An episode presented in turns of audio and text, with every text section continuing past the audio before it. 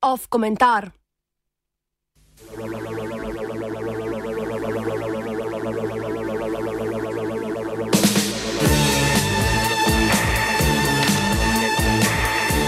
Tretji pas v vsako vas.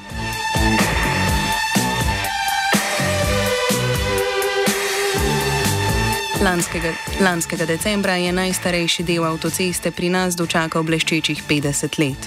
32-kilometrski avtocestni odsek med Vrhniko in Postojno so otvorili leta 1972. Z vsakim letom bolj pa smo edinemu bleščanju priča v obliki svetlobnih odsevov kolon, stoječih v pregretih karoserij.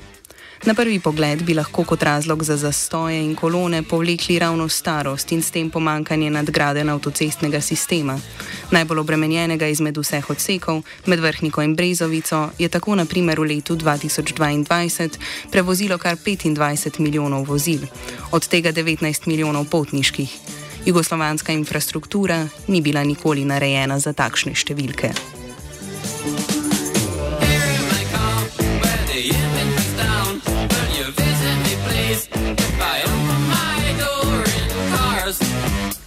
Družbo, družbo za avtoceste v Republiki Sloveniji, krajše DARS, so zato interesne skupine v zadnjih letih večkrat pozvale k gradni tretjega voznega pasu na najbolj obremenjenih odsekih. Želje po širitvi je bilo slišati že v, v Cerarjevi in na to Šarčevi vladi. Infrastrukturni minister prejšnje Janševe vlade Jrnej Vrt, Vrtovec je ob svojem nastopu leta 2020 za leto 2021 napovedal tudi pričetek gradnje tretjega pasu na Štajerski avtocesti med Domžalami in Ljubljano. Leta 2022 pa je na to pričetek odložil za nedoločen čas. V začetku letošnjega avgusta je Dars zaprosil za okoljevarstveno dovoljenje za širitev Štajerske avtoceste med Domžalami in Ljubljano, čemur naj bi v bližnji prihodnosti sledila še prošnja za širitev primorske avtoceste med prestolnico in Vrhniko. Dela na Štajerski avtocesti naj bi se po napovedih Darsa lahko začela leta 2025, trajala bodo več gradbenih sezon. Po oceni iz leta 2022 je bila vrednost del na tem odseku 36 milijonov evrov. Tretji pas bi na omenjenih odsekih dosegli s preureditvijo odstavnega pasu voznega, širokega 3,5 m, k čemur spada tudi širitev odstavljenih niš in postavitev potrebne signalizacije, odvodnjavanja, napeljav.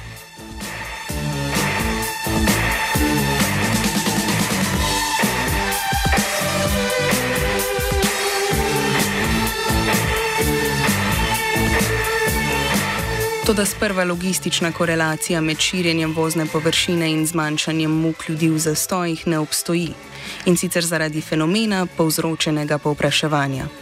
Prvič so ga preučevali v Združenih državah Amerike v 60-ih letih, ampak je tudi obče razširjen. Teorija ekonomije nasplošno pravi, da če pride do znižanja cene blaga ali storitve, se povpraševanje po njej poveča, To načelo velja tudi za povpraševanje po transportu. V tem primeru cena prevoza odraža vse stroške povezane s potovanjem, tudi porabljen čas.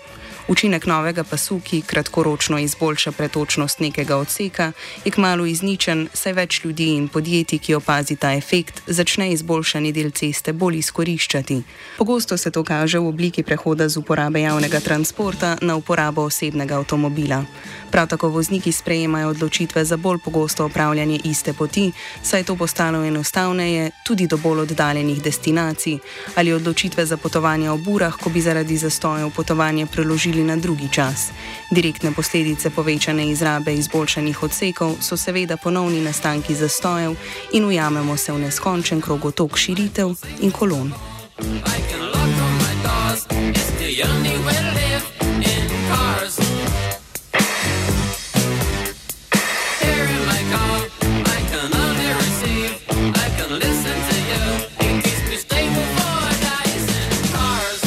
rastjo pretoka vozil seveda naraščajo tudi emisije, pri čemer je bil cestni transport v letu 2022 tako ali tako že zaslužen za skoraj petino vseh izpustov toplogrednih plinov na svetovni ravni. Širjenje cestnih povezav ima tudi posredne učinke, ki se lahko pojavijo na krajši ali daljši rok. Nova cestna infrastruktura lahko investitorja denimo prepriča v gradnjo novega trgovskega centra. Nova potovanja do teh lokacij spet povzročijo povečan promet. Situacija postane manj jasna pri dolgoročnih spremembah stanovanske in zaposlitvene lokacije zaradi olajšane poti do tja. Tudi to so lahko odzivi na spremembe v cestnem omrežju, vendar jih je teže opredeliti. V vsakem primeru je širitev cest odmik od zelene politike v smer povečane degradacije okolja.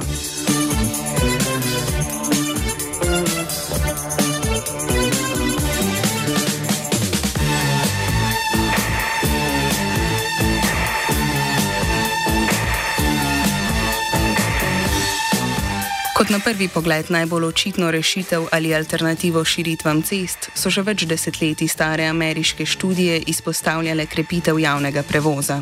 V Sloveniji bi tu upoštev prišle obnove in širitve do, dotrajanega potniškega železniškega prometa ter širitve lokalnih ter regionalnih avtobusnih povezav. Ker je Slovenija svojo lego in zaradi Luke Koper izrazito tovorno tranzitna država, obstajajo tudi ideje o premiku tovornjakov na tovorne vlake. Dognanja raziskave Ameriškega nacionalnega urada za ekonomske raziskave o temeljnih zakonih cestne gneče iz leta 2009 kažejo, da nadgradnje zgolj tega sektorja ne zadoščajo. Nove tranzitne proge bodo na začetku morda uspele nekatere voznike zvabiti z cest in sprostiti promet, tudi dolgoročno bi bil učinek verjetno podoben gradnji dodatnega pasu avtoceste, čeprav brez takšne okoljske škode. Ko bo vožnja zaradi manj prometa začasno postala lažja, bodo ljudje to opazili ter zamenjali tiste, ki so začeli uporabljati javni prevoz.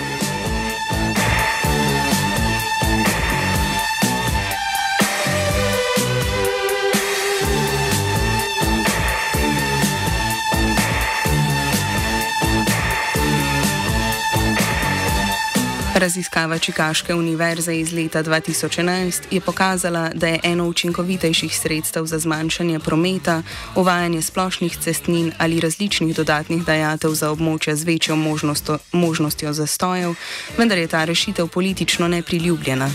Tako ali tako pa pri nas uporabljamo vinjete. Posegi v smer ponovnega uvajanja starega sistema bi bili zaradi odstranitve stare cestninske infrastrukture tudi potratni. Zaradi dajatev bi poleg tega trpeli revnejši, medtem ko bi za premož premožnejše nova dajatev predstavljala relativno majhen strošek.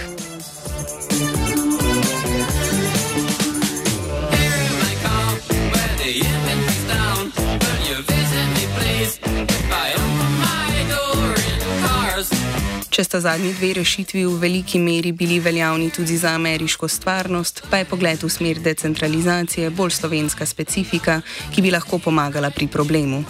Država nima zares izdelane politike o tem, kaj početi z demografsko ogroženimi območji.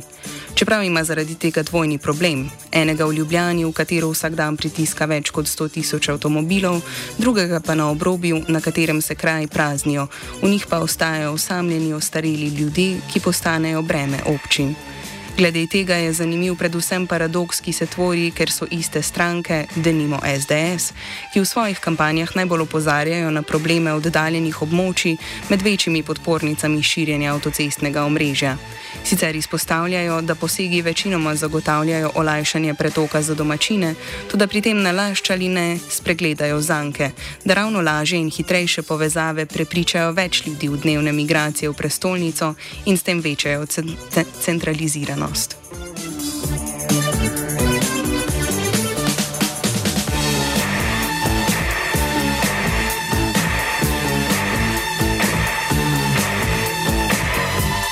Letošnji majski komentar Gorana Vojnoviča v dnevniku o vlogi države med drugim pri urejanju cest glede prenove avtocestnega omrežja izpostavlja, da so oblastniki v preteklih 20 letih pri razvoju avtocestne infrastrukture živeli zgolj v trenutku in niso poskušali predvidevati razvoja naslednjih desetletjih, kar nas je privedlo do današnjega stanja.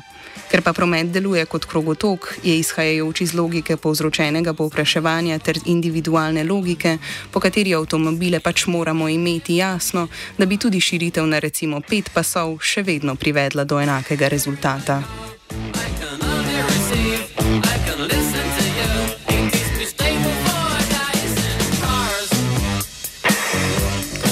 Iz prakse drugih držav je očitno, da posamezni posegi, kot so ojačanje javnega prevoza, problema gostega prometa ne rešijo zadostno.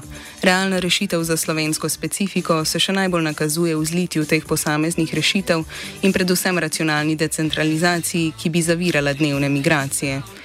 Glede na že karakteristično slovensko počasnost z velikimi infrastrukturnimi projekti, lahko skoraj da pričakujemo, da bomo ob odprtju novega pasu, ki ga bodo začeli graditi 2025, že priča ponovitvi simptomov, ki so nam znani zdaj. Pritisk na politiko se mora, kljub temu, da se tretji pas mamljivo kaže kot obliž na vse naše avtomobilske težave, vršiti s ciljem, da se ta odmakne od financiranja investicij, ki podpirajo kulturo uporabe avtomobila, pa čeprav je avtomobilski lobby eden izmed najmočnejših na svetu.